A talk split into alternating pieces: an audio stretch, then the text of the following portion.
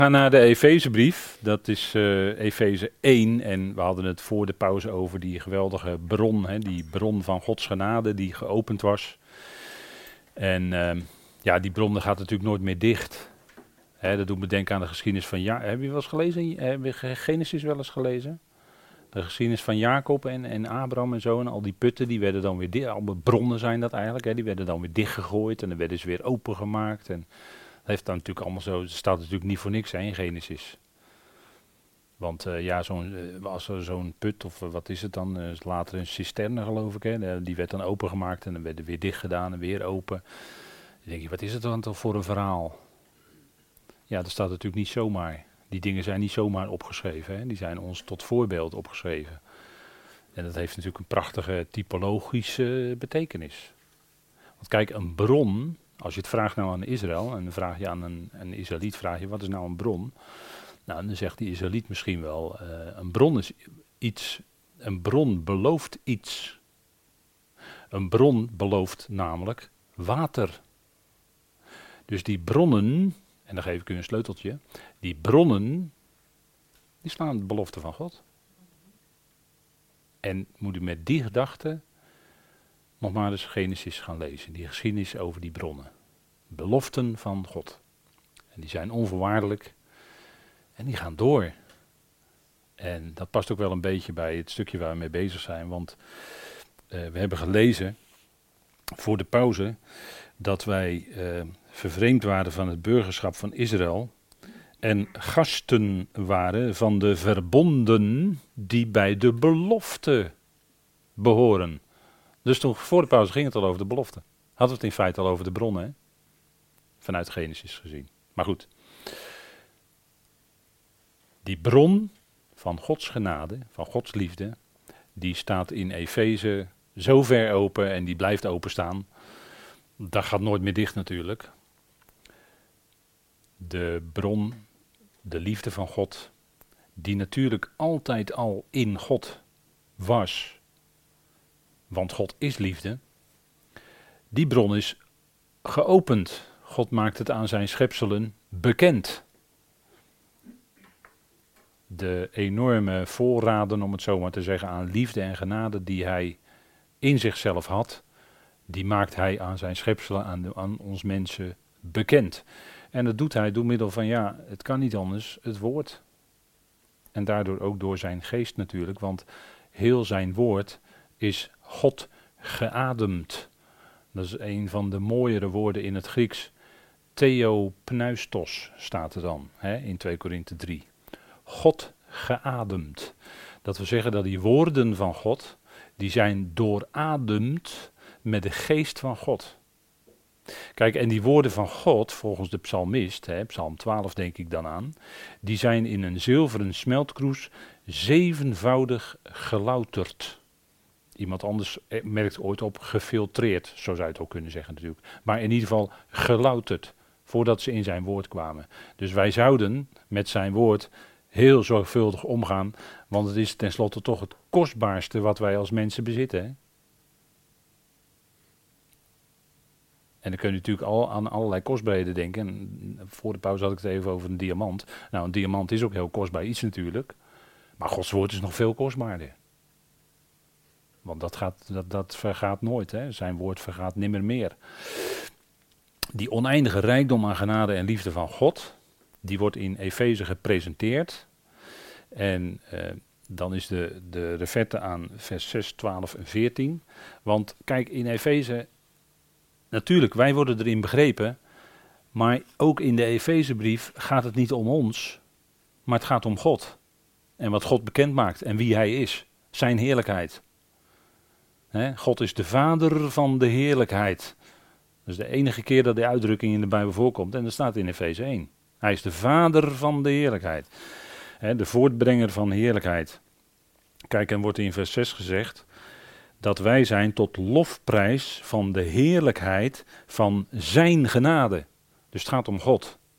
In vers 12 staat, opdat wij zijn tot lofprijs van zijn heerlijkheid. Het gaat om God. In vers 14 staat, tot lofprijs van zijn heerlijkheid. Dat zullen wij zijn. Dat wij verheerlijk worden is natuurlijk geweldig. En dat verheerlijkte lichaam, dan zeg je wel eens tegen elkaar, ja, ik kan eigenlijk niet wachten totdat de bazuin gaat. Inderdaad, want dan heb je een verheerlijk lichaam, dat is zo. Dan is het lijden voorbij. Maar die, dat verheerlijkte lichaam, zoals we dan zullen zijn, zal dan vooral zijn, en eigenlijk voornamelijk, tot lof en lofprijs en heerlijkheid van God. Dan daar gaat het om. Daar was al het werken en doen en spreken van de zoon met een hoofdletter, de zoon met een hoofdletter, opgericht op de heerlijkheid van God. de Heer bad toch ook, vlak voordat hij stierf, eh, Vader, rechtvaardige Vader, verheerlijk uw naam. Verheerlijk uw naam in dat gebed. Daar ging het hem om. En dat dat voor hem diep lijden tot en met het kruis betekende. Maar zijn gebed was: Vader, verheerlijk uw naam. Daar ging het om. Wij staan niet in het middelpunt. Kom, kom. Nee, God staat in het middelpunt. Daarvoor is zijn woord ook bedoeld. God openbaart zichzelf in zijn woord. En dat is natuurlijk geweldig. En daarin wordt de hele schepping en al die schepselen, en u en ik allemaal zijn erin meebegrepen, worden meegenomen in die enorme stroom van genade en heerlijkheid. Maar het draait om God. Dat is een hele plan voor bedoeld. Hij staat in het middelpunt. En een bijbelse gemeente zou dan ook zijn een gemeente waarin Gods woord centraal staat. Gods woord centraal, ja ja. Maar dan ook echt Gods woord centraal, hè? Niet alleen met de mond beleiden, maar doen. Gods woord echt centraal stellen. Dat is belangrijk, want daar, moet, daar draait het allemaal om. Je kunt prachtig samenkomen bij elkaar als gelovigen en dan is allemaal, kun je allemaal leuk en gezellig bij elkaar zijn, dat is allemaal prima. Maar Gods woord centraal, dat wel. Dat wel, daar gaat het om. Niet zonder dat woord. Daar heb je toch alles aan te danken. Je weet toch alles over God door zijn woord en door, door niets anders. Het is niet zomaar uh, dat het je toekomt vallen of zo. Nee, het is door zijn woord. En daar moet je, ja, daar moet je wel wat voor doen. Het was er in de tijd een boekje dat heette Het komt je niet aanwaaien. Dat vond ik wel een goede titel. Komt je niet aanwaaien. Je kan niet zomaar door de geest ineens van oh, ik weet het allemaal. En, hè, er zijn ook wel van die bewegingen geweest in, in, in het verleden in de kerkgeschiedenis. De Quakers, weet je wel, met de Q begint dat, met de. Hè, die stelden Gods woord uh, aan de kant. Uh, ze werden geleid door de geest. En dan, als ze dan wat voelden, dan was er iets van de geest en werd er iets onthuld of zo. Is allemaal, of het is eigen gevoel van de mens, of de eigen geest, of eigen denken, ideeën, of het zijn misleidende machten en krachten, hoe vroom ook. Nee, het gaat hierom. De kan, de woord, het woord werkt nooit zonder, hè, de geest werkt nooit los van het woord. Dat kan niet. Dan krijg je geestdrijverij en dan krijg je allerlei rare dingen. Dan krijg je allemaal mensen die omvallen in rijen en zo, weet je wel, achterover. Dat soort samenkomsten krijg je dan. Hè?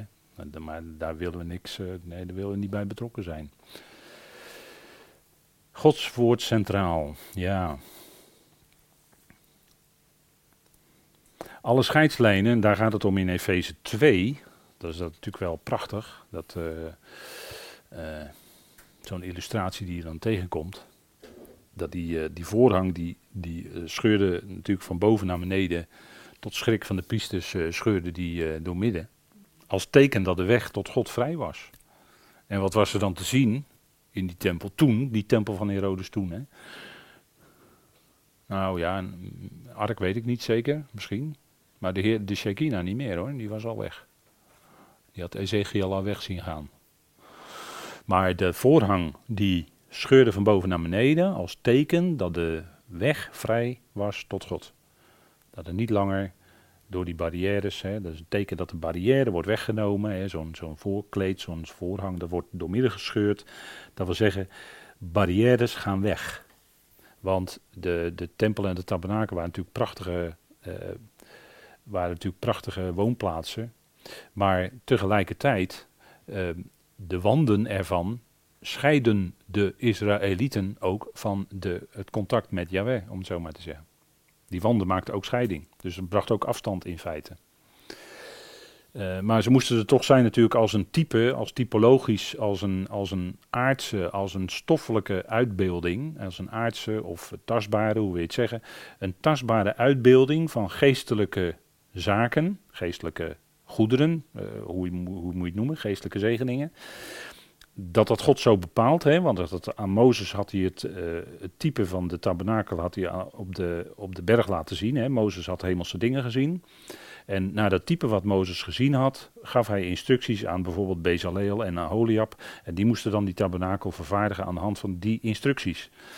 En eh, die twee die ik net noemde, die werden ook door de geest van God uitdrukkelijk daarin geleid. Hè, om dat zo op te bouwen, die, ta die tabernakel. Waarom? Omdat het precies moest naar het type of het voorbeeld wat Mozes gezien had. Want het moest uitbeelden als schaduwbeeld de toekomende geestelijke zegeningen, de geestelijke heerlijkheden, die later bekend zouden worden gemaakt. En dat gebeurde onder andere door de brieven van Paulus. En vooral wel door de brieven van Paulus. Hebreeën, dat zie ik altijd een beetje apart. Dat weet ik niet of dat een brief van Paulus is. Dat staat er ook niet bij. Maar daarin wordt natuurlijk ook heel veel uh, verteld over wat die tabernakel en wat daar gebeurde voorstelt. Dat was er niet zomaar natuurlijk. Dus God had het ook niet, ondanks dat het de mens nog steeds afscheidde van God, had het toch een belangrijke functie, want het verwees naar geestelijke waarheden die in de toekomst nog bekend zouden worden gemaakt. Het werd vervuld in Christus. de wet heeft een schaduw van toekomende dingen of goederen, uh, als je dat wil vertalen zo op die manier. Maar wat, wat werkelijk waar het om gaat is wat in en door Christus geopenbaard werd. En daar verwees het allemaal naar. Het verwees allemaal naar Hem we zien hier het reukofferaltaar. Nou, dat verwees ook naar hem. Goud. Nou, we hebben het gezien in een aantal studies in uh, Soest destijds. Maar al die scheidslijnen en barrières die moesten weg. En dat gebeurde door het kruis. Dat is ook het centrale punt in dit hele stukje. In uh, uh, vers 15. Daar staat. Sorry, in vers 16. Efeze 2, vers 16. En beiden in één lichaam met God door het kruis, hè, dus doorheen het kruis, wederzijds zal verzoenen, de vijandschap erin dodend. Dus de werking van het kruis was nadrukkelijk dat die scheidslijnen, die barrières die er waren tussen die twee groepen, en nog veel meer barrières, werden opgeheven, werden weggedaan. Gebeurde door het kruis. Hè? Dat is natuurlijk essentieel, dat is de kern, dat is waar het om draait. En natuurlijk daarachter de opstanding van Christus. Natuurlijk, natuurlijk. En dat is opdat hij, hè, dus opdat is natuurlijk een doel aanduidend woord, opdat hij de twee, hè, die twee groepen, in zichzelf tot één nieuwe mensheid schept, vredemakend. Dus die nieuwe schepping, die kenmerkt zich ook door eenheid. Die ene geest die doordringt die hele nieuwe mensheid. Die ene geest zal die hele nieuwe schepping doordringen. En wij hebben daar nu al deel aan, omdat we deel hebben aan die geest van God. Dat is natuurlijk geweldig.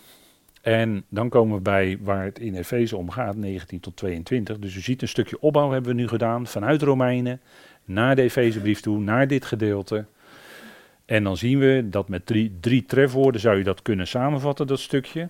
Burgers, familie en gebouw. Dat zijn de beelden die dan gebruikt worden om voor ons die geestelijke waarheden duidelijk te maken.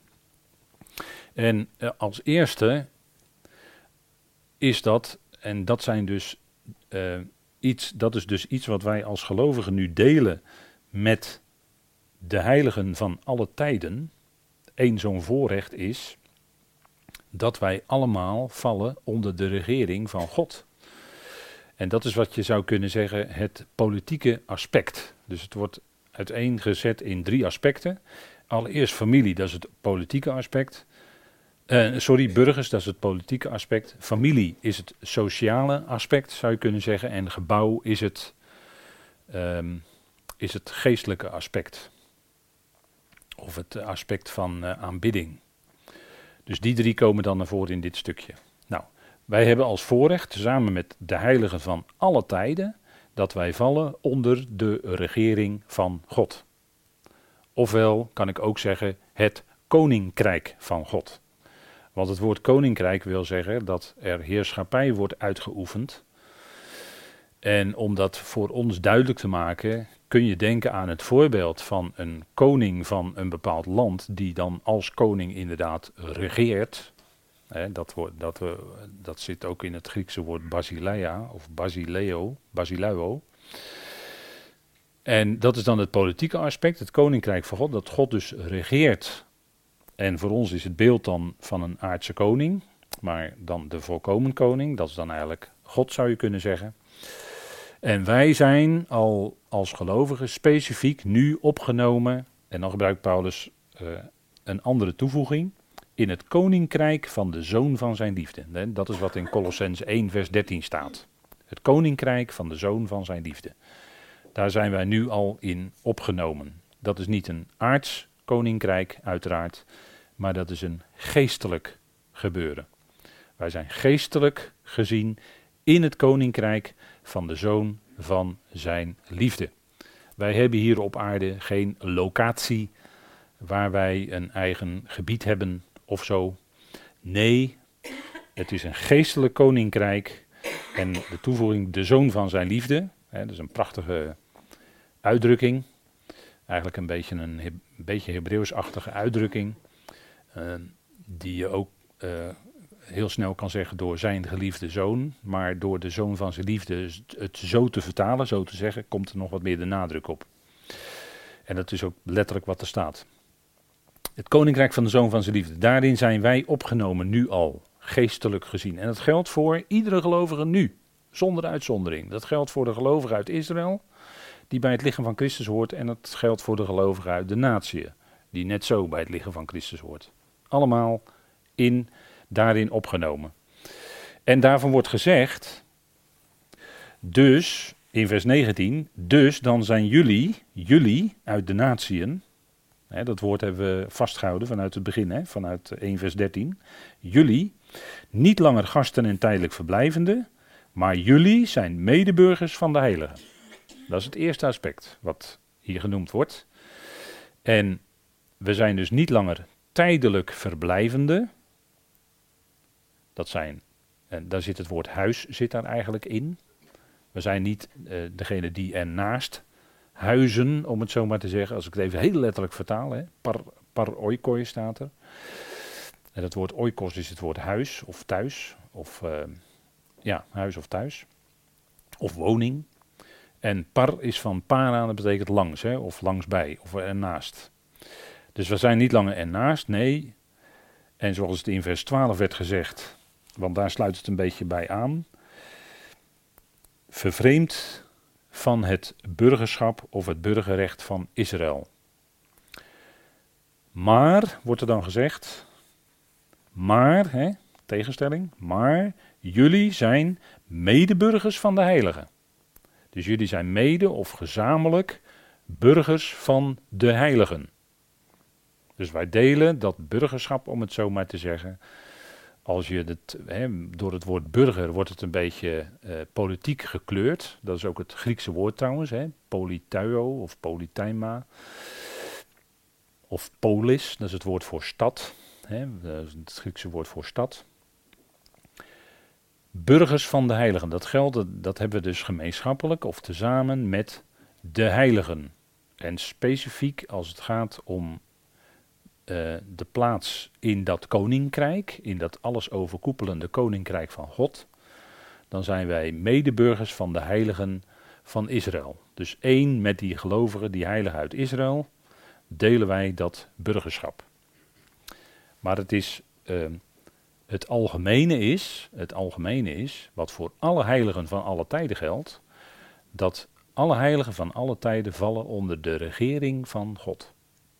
Abraham die geroepen werd, was in feite een apart gezette, was in feite daardoor ook een heilige en viel daarom ook onder de regering van God. God zei ook tegen Abraham, Abraham, leg lega. In het Hebreeuws, Abraham, ga. En hij ging. Of uh, anderen werden geroepen he, in Tenach. En dan zeiden ze, Hineni, zie heer, hier ben ik. Hier ben ik. En dan zei de Heer iets, of via zijn boodschapper zei de Heer dan iets, en dan ging diegene. Dus die vielen dan onder de regering van God, want ze, ze volgden dan dat woord van God wat naar hen toe kwam, dat volgden ze. Dat, daar, gingen ze. daar gingen ze op wandelen, op leven. En in die zin waren het uh, heiligen. En u ziet hier drie gasten. Hier is dit plaatje is van Abraham en Sarah, weet u wel, toen die drie gasten daar ineens uh, kwamen in, uh, in wat was het, Genesis 18 geloof ik. En toen zeiden ze, Sarah is al over een jaar heb je een zoon. En ze lachten. Weet u wel? Isaac, hè? Yitzchak, betekent ook hij die lachte. En Sarah lachte, ja. Maar het werd wel werkelijkheid natuurlijk. Hè. Het was wel een belofte die God gestand deed. Kijk, wij delen, de gelovigen uit de natie, delen het burger zijn met de heiligen uit Israël. En nu is het bijzondere, door dat woord mede of tezamen, dat Griekse woordje sun, uh, is het niet langer dat de gelovigen uit de natie, zoals het was in het vlees, ondergeschikt zijn aan Israël. Nee, hier gaat het om de geestelijke positie. En daarin zijn de, alle gelovigen gelijk. En bestaat er geen onderscheid meer tussen de gelovigen uit Israël en de gelovigen uit de natieën. Dus hebben de gelovigen uit de volkeren niet langer een ondergeschikte positie. Dat is het, hoe moet ik dat zeggen? Dat is de grote verandering die in dit stukje in Efeze wordt bekendgemaakt. En dit moet je dus niet omdraaien, want dat wordt vaak gedaan. Dit moet je niet omdraaien. Door te zeggen van kijk, zie je wel, die gelovigen uit, de volkeren, die, zijn, uh, die worden nu één met uh, Israël, dus die moeten nu Israël gaan volgen. En het eind van het liedje is dat ze, dat ze de Shabbat houden en de feesten meevieren enzovoort. Dan trek je volstrekt verkeerde conclusie uit dit stukje. Maar dat staat hier helemaal niet, het gaat er ook hier helemaal niet over. Het is eigenlijk precies andersom. Je gaat juist weg van een ondergeschikte positie aan Israël naar een gelijkwaardige, maar dan geestelijk gezien. Maar de positie zoals die was, die komt straks weer terug. Want uh, uh, binnenkort begint Sukkot. Hè, Sukkot begint weer, loofhutten. En dan uh, staat er in Zacharia dat de volkeren, of de koningen van de volkeren, dus Willem, Willem Alexander denk ik, of misschien Amalia, ja, ik weet niet. Maar die zullen dan naar Israël moeten optrekken, de koningen van de aarde, die moeten dan optrekken naar Israël, zegt Zacharia, om het Loofhuttenfeest te vieren. En dan zie je dus dat dan Israël een leidende positie heeft ten opzichte van de volkeren weer in de duizend jaar op aarde. In het vlees. Dan nog steeds. Daar gaan de volkeren dus dan wel de loofhutten mee vieren. Nu is het voor christenen uh, eigenlijk niet te doen om dat te doen. Want je gaat je bezighouden met de schaduwbeelden. Loofhut is een schaduwbeeld van wat nog vervuld gaat worden. Dus de christenen die braaf en liefdevol ten opzichte van Israël, en ik snap alle goede bedoelingen en, en noem maar op, dat snap ik allemaal best wel hoor. En, en dat mooie gevoel ten opzichte van Israël, ik snap het allemaal best. Maar nu, nu met Israël de feesten meevieren, is voor christenen de klok terugdraaien. Sorry. Je gaat je met de schaduwbeelden bezighouden. Terwijl je alle vervulling en heerlijkheid al in Christus hebt ontvangen. Je moet wel weten wat je doet. Maar ik had het voor de pauze over de gelaten brief. Galaten 4, lees maar.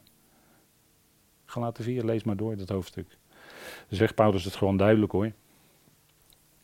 Maar de gelovigen uit de natie delen het burger zijn met Israël. En dat is op gelijke hoogte, gezamenlijk. Dat is een belangrijk voorzetseltje in het Grieks. Drie lettertjes maar, maar het is oh zo belangrijk. Want dat wil zeggen dat het op gelijk niveau is. En vanuit de context hier wordt twee keer ook gezegd in het stukje in de geest. Vers 18 en vers 22, in de geest. En daar gaat het hier om. Gaat niet langer over de plaats in het vlees. Dus daar houden we het op, hè? geloven. Dat is natuurlijk geweldig. En dan kun je zeggen hoe en met wie. Nou, die vraag heb ik in feite al beantwoord. Hè? Wij zijn dat op gelijk niveau, nu wel, nu wel, geestelijk gezien, op gelijk niveau met de heiligen of de gelovigen uit Israël. En, en uh, in de komende tijd dus nogmaals, in de komende duizend jaar, maar dan heb je een hele andere situatie, is de gemeente weg. Het lichaam van Christus is dan weg. Dan heb je een hele andere situatie, Israël en de volkeren, en dan zie je weer hoe dat dan zich moet, moet afspelen. Waar is dat? Waar hebben wij dat gelijke niveau? Nou, daar spreekt de Efezebrief natuurlijk over, want we bevinden ons dan op een zeer letterlijk ook hoog niveau, namelijk in het ophemelse uranion is de uitdrukking die vijf keer in de Efezebrief voorkomt.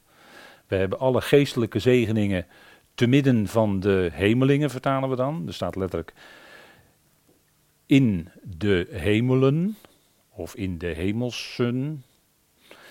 Letterlijk staat dat er. En dat wil zeggen, als je het letterlijk opvat, is het, het is ook een datief daar, dus het gaat ook om locatie. Is het hoger dan de sferen die wij hier op de aarde hebben? Dus zeg maar de uh, atmosfeer kennen wij, en we kennen de stratosfeer, en we kennen de ionosfeer. Nou, wat boven die uh, stratosfeer uitgaat, Misschien is dat wel dat ophemelse, want niet voor niks staat er epi, hè, ep, uranium. Dus dat is wat op, dat hogere, daar mag je dan aan denken. Dus we bevinden ons dan geestelijk op heel hoog niveau. We hebben geestelijke zegeningen in Christus te midden van de hemelsen of te midden van de hemelingen. Dat is waar de Efeze over gaat. Dus direct in vers 3 worden we al gezet in die hemelse sferen, om het zo maar te zeggen en bevinden wij ons eigenlijk al niet langer meer op aarde. Dus als je vraagt waar, nou daar, daar, ver, ver boven.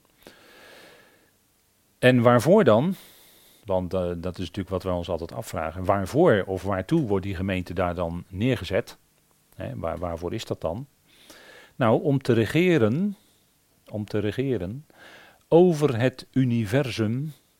Dat is geen, bij, niet echt een Bijbels woord, maar laat toch maar even staan voorlopig, om te regeren over het universum onder één hoofd, Christus. Onder één hoofd. Dat is onze positie als gelovigen van het lichaam van Christus. Geldt voor alle gelovigen. Geldt voor die uit Israël en wij, uit de natieën, want wij zijn medeburgers. En dat heeft dus hiermee te maken. Als je vraagt dus waarvoor of waartoe, om daar te regeren. Waar? Niet op aarde, boven. Want op aarde krijg je anders een clash met Israël, want Israël is op aarde koning en priesters. En die botsing uh, die maken wij niet mee hoor. Kijk, in de komende eeuwen, ik heb voor u even geprobeerd om even uit elkaar te, even in overzichtje te laten zien.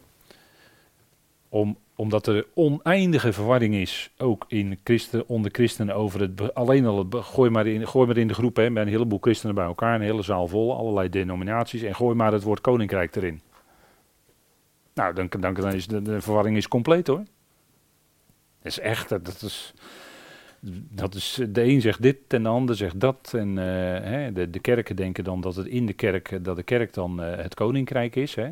En als je dan over Sion uh, zingt hè, in de kerk, dan denken de kerkmensen dat het de kerk is. Maar dat is Sion helemaal niet. Sion is die berg daar in, in, in Israël. Ziet u hoe het, hoe het verschoven is? En het probleem is, dat als de kerk van zichzelf zegt, in de kerk is Gods koninkrijk, dan zit daar wel iets van waarheid in. Dat is nou juist het probleem. Er zit wel iets van waarheid in, maar het is, het is allemaal zo verward. En uh, als je kijkt hier, kijk het koninkrijk van de hemelen, wat is dat? Op een gegeven moment heeft uh, heel groot kerkgenootschap heeft gezegd, dat, dat is uh, het koninkrijk van de hemelen, dat is de hemel. Dat is de hemel. En dan krijg je dus al die grapjes over Petrus, die bij de hemelpoort staat, weet u wel, en die dan de sleutels heeft enzovoort. Petrus had de sleutels van het koninkrijk te hemelen. Maar daar hebben ze een denkfout gemaakt door het woord hemelen. Nee, dat is de oorsprong. Het komt uit de hemelen volgens Daniel op aarde. Dat is het koninkrijk van de hemelen. En daar sluit Matthäus bij aan. Die gebruikt die uitdrukking als enige. Dat is dus niet de hemel zelf. Nee, het is het koninkrijk wat uit de hemelen komt op aarde. Dat is wat Daniel 2, vers 44 zegt. Dat is het koninkrijk van de hemelen. En daar zal Israël regeren als priesters, als priesterlijke natieën, over de aarde. Waar? Op aarde. En op de nieuwe aarde nog als koningen. Dan is er geen priesterschap meer nodig. Dat is dus dat is het koninkrijk van de hemelen. Dat is de, de komende eonen op aarde. Dat is Israël. Die daar regeert. En dan noemt Paulus goed, hij noemt het één keer in 2 Timotheus 4, maar toch, het ophemels koninkrijk Dat is waar wij, waar het lichaam van Christus, boven, te midden van de hemelsen, niet op aarde, boven regeert in de, ik heb het er maar steeds even bijgezet, op hemelse regionen, over al die hemelingen, over al die ophemelsen die we daar tegenkomen. Soevereiniteiten, krachten, machten, boodschappers, noem maar op. Demonen denk ik niet, want demonen zijn heel erg aan de aarde gebonden. Maar goed, dat is weer een ander verhaal. Heb trouwens een mooie brochure van een boekentafel. Uh, de zogenaamde engelenwereld. Daar worden allemaal antwoorden in gegeven. Als je daarover over geestelijke machten en krachten en engelen enzovoort, als je daarover eruit wil komen hoe dat zit, dan raad ik van harte die brochure aan, de zogenaamde engelenwereld. Dat is echt klokgaaf, wat mij betreft. Het lichaam van Christus regeert in de hemelse regionen over al de hemelsen onder één hoofd Christus. Dat is het ophemels koninkrijk. En dat is dus iets anders dan het koninkrijk van de hemelen. En vandaar dat je de begrip dat vaak verward is. Hè. Er wordt vaak met elkaar verward. Want de mensen horen dan het woord koninkrijk. En daar hebben ze dan een bepaald idee bij. Maar dat kan wel helemaal verkeer, uh, ja, toch helaas foutief zijn.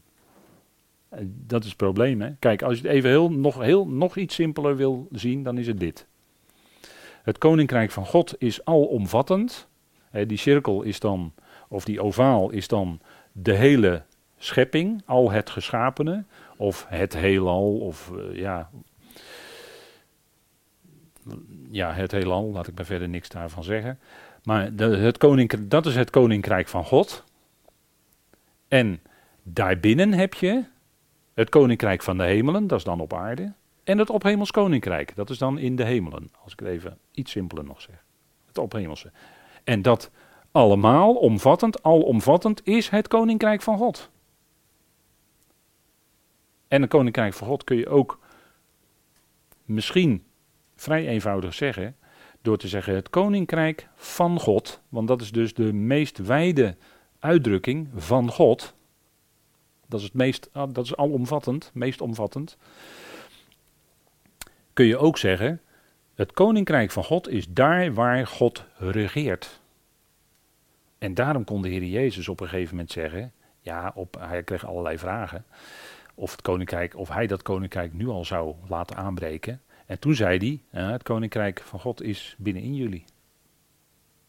Dus als, als die geest van God, als je gelooft, die geest van God is in je, en is koninkrijk, een stukje koninkrijk van God is in jou, want dan regeert die geest van God in jou, in jouw hart. Dat is dan een stukje koninkrijk. Oh, dus overal waar God regeert, hoe klein het gebiedje of hoe groot het gebied, of als je over gebieden wil spreken ook is, daar is iets van het koninkrijk van God. En dat zien wij nu niet hier op aarde. Dat wilde men wel in de tijd. Hè, wilde men wel. Ik heb onlangs iets gezegd in een toespraak over kruistochten. Dat was, een, dat was iets van de paus, die deed aan geopolitiek. Die probeerde het, het koninkrijk, Gods koninkrijk hier op aarde te verwezenlijken. Maar dat is eigenlijk hè, dat, wij, dat, dat wij het koninkrijk van God hier op aarde willen verwezenlijken. Weet u, dat is, dan zit je er helemaal naast. Dan ga je iets proberen te doen wat straks zal komen als de Heer Jezus Christus komt. Ja, die zal dat koninkrijk dan daadwerkelijk gaan oprichten. Dan pas. Maar als wij dat met z'n allen gaan doen, dan loop je achter een, eh, weet u wel, dat, dat mannetje, dat achter, wordt een, met een hengel wordt een worst voorgehouden zo. En degene holt erachteraan, die wil graag die worst hebben, maar die worst blijft steeds maar zo, hè, zo ben je dan bezig. Je, je komt er nooit. En, en dat is wat mensen dan doen. Ze zijn helaas, en dat is dan, vind ik heel verdrietig om te zien, helaas op die manier bezig. En we praten niet over goede bedoeling, want ik ga er altijd vanuit dat al die mensen goede bedoelingen hebben. Maar ja, dat is, dat is natuurlijk in Israël ook de kwestie. Hè? Het is altijd heel moeilijk. Hè? Hoe is het nu met het huidige Israël, de Joodse staat? Uh, er zijn rabbijnen die zeggen: nee, dit is helemaal, dit is helemaal niet van God. De, de echte Joodse Israël, echt Israël komt pas als de Messias komt. En hebben ze gelijk. Natuurlijk, ze hebben gelijk. Het wordt, het wordt pas echt wat als de Messias komt. Alleen ze gaan eraan voorbij, als u het mij vraagt, dat wel degelijk in profetie is voorzegd dat er een ongelovige Joodse staat, of hoe je het ook noemen wil, zal zijn op het moment dat inderdaad de Heer gaat komen. Dat is wel degelijk profetisch voorzegd. Daar gaan ze dan misschien toch aan voorbij. Maar ze hebben gelijk als ze zeggen, ja, het wordt pas echt het koninkrijk als de Messias komt, tuurlijk. Dat is ook zo. En die, de rabbijnen die wijzen dus de huidige Joodse staat en de politiek wijzen ze heel hard af. Wil ze niks mee te maken hebben. Maar goed, het koninkrijk van God. Het koninkrijk van de hemelen komt pas op aarde als Christus komt. En wij hebben nu al deel aan dat ophemelse koninkrijk. Ja, en dat is allemaal, uiteindelijk is het allemaal koninkrijk van God. Dat is de meest wijde uitdrukking. En dan punt 2, en ik denk dat we daar vanavond mee afsluiten. Punt 2 is het tweede voorrecht. En dat is het horen bij Gods familie. En dat is het sociale aspect, zou je kunnen zeggen. Wij zijn gezinsleden of familieleden van God. En dat is natuurlijk iets bijzonders. En dat is ook, denk ik, een van de redenen waarom God de mensheid zo heeft ingericht. Dat de mensheid uh, zich voortplant, zich uitdijt. En dat is allemaal door middel van familie. Het familiegebeuren, het gezinsgebeuren. Hè, de, uh, zoals hij het van het begin van aan natuurlijk uh, ingesteld heeft. God schiep de mens mannelijk, vrouwelijk. En die twee worden tot één vlees. En daar komen dan gezinnen van. En zo gaat het verder. het gezinsleven, het familieleven. En dat is natuurlijk allemaal een plaatje in feite bij. Natuurlijk allemaal heel beperkt. En er is veel, eh, wat we dan tegen elkaar zeggen, er is veel gebrokenheid op dat gebied. Hè, met gezinnen en, en noem maar op. Er gaat veel mis. Maar toch, een familie, een gezin, zoals die uh, voor, er voor elkaar zijn, idealiter gesproken, en voor elkaar zorgen en noem maar op. Dat is toch een plaatje van hoe God uiteindelijk, als het einddoel van zijn plan bereikt is, met die hele mensheid zal zijn. God als vader en al die mensen horen dan bij zijn familie, zijn dan zijn familie, zijn zijn gezin. En dat is ook heel breed eigenlijk, want kijk, um, als we het hebben over gelovigen uit andere tijden, bijvoorbeeld Abraham of Jacob of, uh, of Isaac of uh, Jozef of wie dan ook, dan, uh, dan, dan horen die eigenlijk toch al een beetje bij onze familie. Want wat delen wij met hun? Wij, wij delen dat principe van geloof, zou je kunnen zeggen. Wij delen geloof. En, en ja, daarom prediken we ook geloof. Hè? We, we, lezen de schriften voor, we spreken erover. En dan zeggen we bij tijd en gelegenheid: gelooft de schriften. U moet mij niet geloven, kom, hou op. Gelooft de schriften. Principe van geloof, de prediking van geloof. Dat is, dat is Paulinische prediking. En als we dan hebben soms over het geloof van Abraham, of het geloof van Jozef, of het geloof van die, dan is dat de prediking naar Paulus, want Paulus predikt geloof. Dat zegt hij ook tegen de gelaten. Jullie zijn weer aan de slag gegaan met de werken. Met de werken dan van de andere kant benaderd, zeg maar. Maar jullie waren begonnen met het gehoorde van het geloof, zegt hij dan in de gelaten brief. Het gehoorde van het geloof. Wiens geloof? Nou, geloof van Jezus Christus natuurlijk. Dat geloof. En er waren al die andere, Abraham enzovoort, waren natuurlijk een type van dat geloof van Christus. Natuurlijk, natuurlijk. Maar dat principe van geloof, dat is bij de apostel Paulus zo ongelooflijk belangrijk, want dat is het principe wat overeenstemt met genade. Romeinen 4 hè, zegt dat. Het stemt overeen met de genade, het principe van geloof. En daarom prediken wij niet in de eerste plaats de werken, maar we prediken geloof. Gelooft de schriften. Met het gebed of God dat geloof ook in het hart mag geven.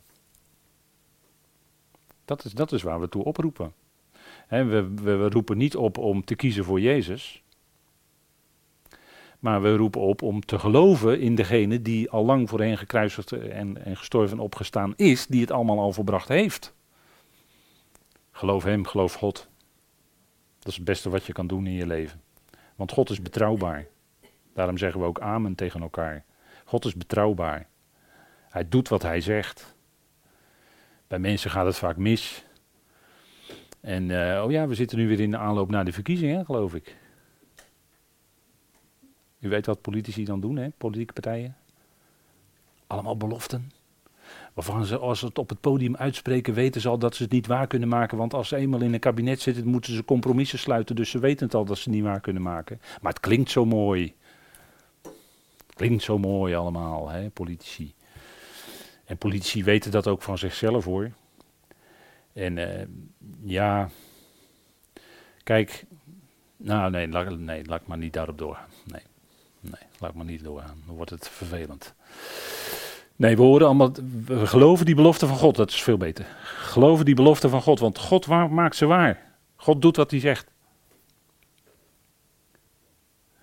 En die doet ook precies op de juiste tijd wat hij zegt. In uw hand zijn mijn tijden, lezen we toch in de schriften. Nou, zo is het ook. Vader, het op uw tijd.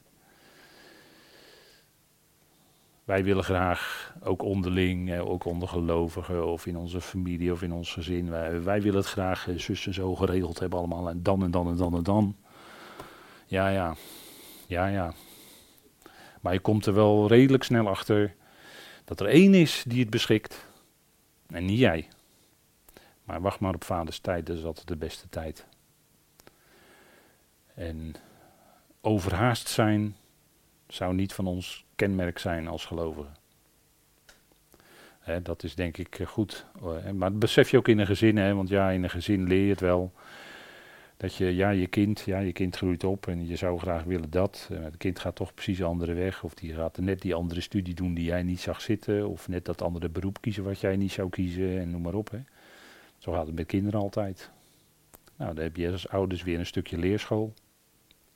Gezinsleden van God, dan leer je allemaal in het gezin, leer je met elkaar omgaan. dat schuurt soms een beetje langs elkaar. En ik ken die puberteitsfase wel en zo. En dan, uh, daar leer je allemaal van. Leer je allemaal van. Maak je ook wat milder en zo. En maak je ook wat afhankelijker van God. Ja, geloof. Geloof God. dat is denk ik heel belangrijk in deze tijd. Geloof God. Kijk, we zijn niet langer gasten dat is het Griekse woord xenos. Xenoi staat er dan in het meervoud. Of vreemdelingen, want we waren gasten van de verbonden van de belofte. Maar we zijn gezinsleden van God. En dan komt het woord, dat is wel mooi, in dit stukje komt steeds weer het woord huis of thuis komt, uh, terug. Hè? We zijn gezinsleden van God. En misschien heeft u die ervaring ook wel gehad op het moment dat u geloofde. En u, u leerde echt de boodschap kennen zoals die is uit de Bijbel. En uh, dan, dan deel je dat, of dan kom je onder gelovigen waar je dat mee deelt. En dan heb je zo het idee van, hè, nu ben ik geestelijk echt thuisgekomen. Thuisgekomen, ja. Nou, dat is nou precies. En u kon het misschien toen niet zo onder woorden brengen, maar u kwam thuis bij God. Dat was het eigenlijk. We komen thuis bij God. Dat, hè, dat thuis bij Hem zijn. Dat is wat we zijn, hè. Dat is echt thuiskomen. En misschien wel als, ver, hè, daar kan je natuurlijk allerlei beelden van, als vermoeide reiziger enzovoort enzovoort. Maar je komt bij hem thuis, je komt bij hem echt tot rust. Bij hem vind je echt vrede, rust, overzicht. Hij is een geweldige vader met een grote hoofdletter V. hij is een geweldige vader voor je, waar je alles tegen kan zeggen. He, Abba, vader. Ja, natuurlijk. We mogen alles tegen God zeggen in gebed. Dat hebben we al zo vaak in de, in de loop van vele jaren hebben we dat al zo vaak tegen elkaar gezegd. In gebed mag je alles tegen God zeggen.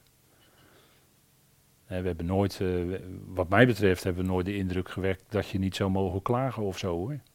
Of dat we het zouden willen dooddoen met de uitdrukking niet klagen maar dragen. Dat hebben we nooit gezegd hoor. We hebben altijd gezegd, je mag alles tegen God zeggen in gebed. En het liefst dan in de binnenkamer. Dus uh, ja, dat, dat is het ook. Hè, Abba, vader, dan kan je alles tegen hem zeggen. God weet ervan hoor. Maar hij wil gebeden zijn. Hè, dat, is, dat is het geweldige in zijn plan. Hij zal ook de verlossing die hij gaat brengen, precies op de juiste tijd, precies op de door hem voorgestelde tijd, zal God de verlossing brengen voor Israël. Maar Daniel 9 maakt wel duidelijk dat het wel van hem gesmeekt zal worden.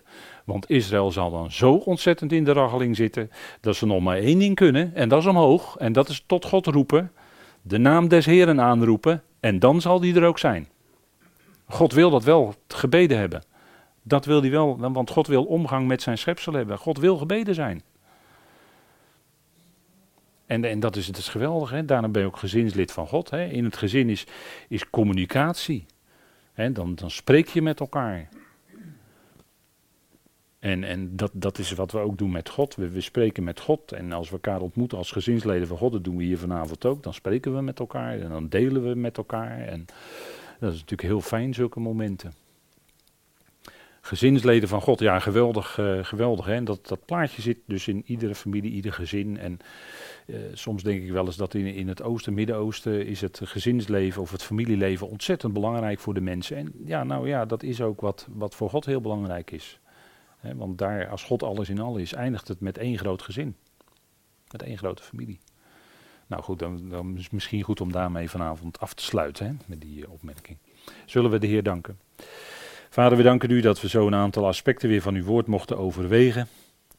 En dank u wel dat we uit uw woord mogen lezen hoe het zit. En vader, we zoeken naar de juiste betekenis ervan. We danken u dat u ons stukje bij beetje die woorden laat zien en dat we daarnaar mogen kijken. Vader, dank u wel voor dat kostbare woord van u. Dank u wel dat u nabij bent in ons leven. Dank u wel dat we gezinsleden van u zijn. Dat we bij uw familie horen, dat u onze vader bent. En we ook mogen roepen, Abba, vader. Als zonen. Vader, we danken u daarvoor. We danken u dat u ons zo heeft geroepen. En dat we ons dat steeds meer bewust worden, die positie van zoon, het zoonschap.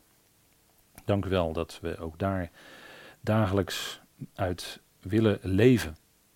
Dat we ons lichaam stellen tot een levend, heilig en u welgevallig offer. Wat logisch is. Vader, we danken u daarvoor dat u ons dat geeft en dat we zo tot eer van u kunnen en willen leven. Vader, dank u wel voor de woorden die u wilde geven om te spreken en mag het verder beklijven in ons hart. Dat uw woorden duidelijker worden voor ons en dat we daardoor groeien en opgebouwd worden in ons geloof. Tot eer van u. Vader, we danken u voor uw geliefde zoon, die zichzelf gaf, kostbaar bloed, waardoor alle barrières worden weggebroken, die er maar zijn tussen de mens en u en tussen mensen onderling. Dank u wel voor die geweldige eenheid van het lichaam van Christus wereldwijd. We zijn één met iedere gelovige. We zijn één in u. We danken u daarvoor en we danken u dat we zo deze avond mochten hebben met elkaar. We danken u voor al diegenen die op afstand verbonden waren. En wil met hen zijn. U kent iedere situatie, vader. U kent de nood die er is bij mensen. U kent het minder worden, de beperkingen die toenemen.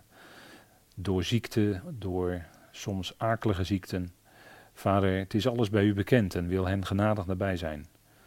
En ook, vader, dank u voor de mensen die, en we bidden ook speciaal voor de mensen die in zorginstellingen verblijven.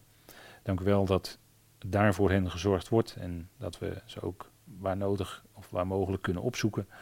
En we danken u dat u nabij bent, ook daarin, Heer. We danken u voor uw goedheid en trouw, dat al wat u beloofd heeft, zult u vervullen. Vader, dank u wel daarvoor. Dank u wel dat we zo u aan het eind van deze avond ook mogen danken, loven en prijzen voor u en de opgestane. In zijn naam. Amen.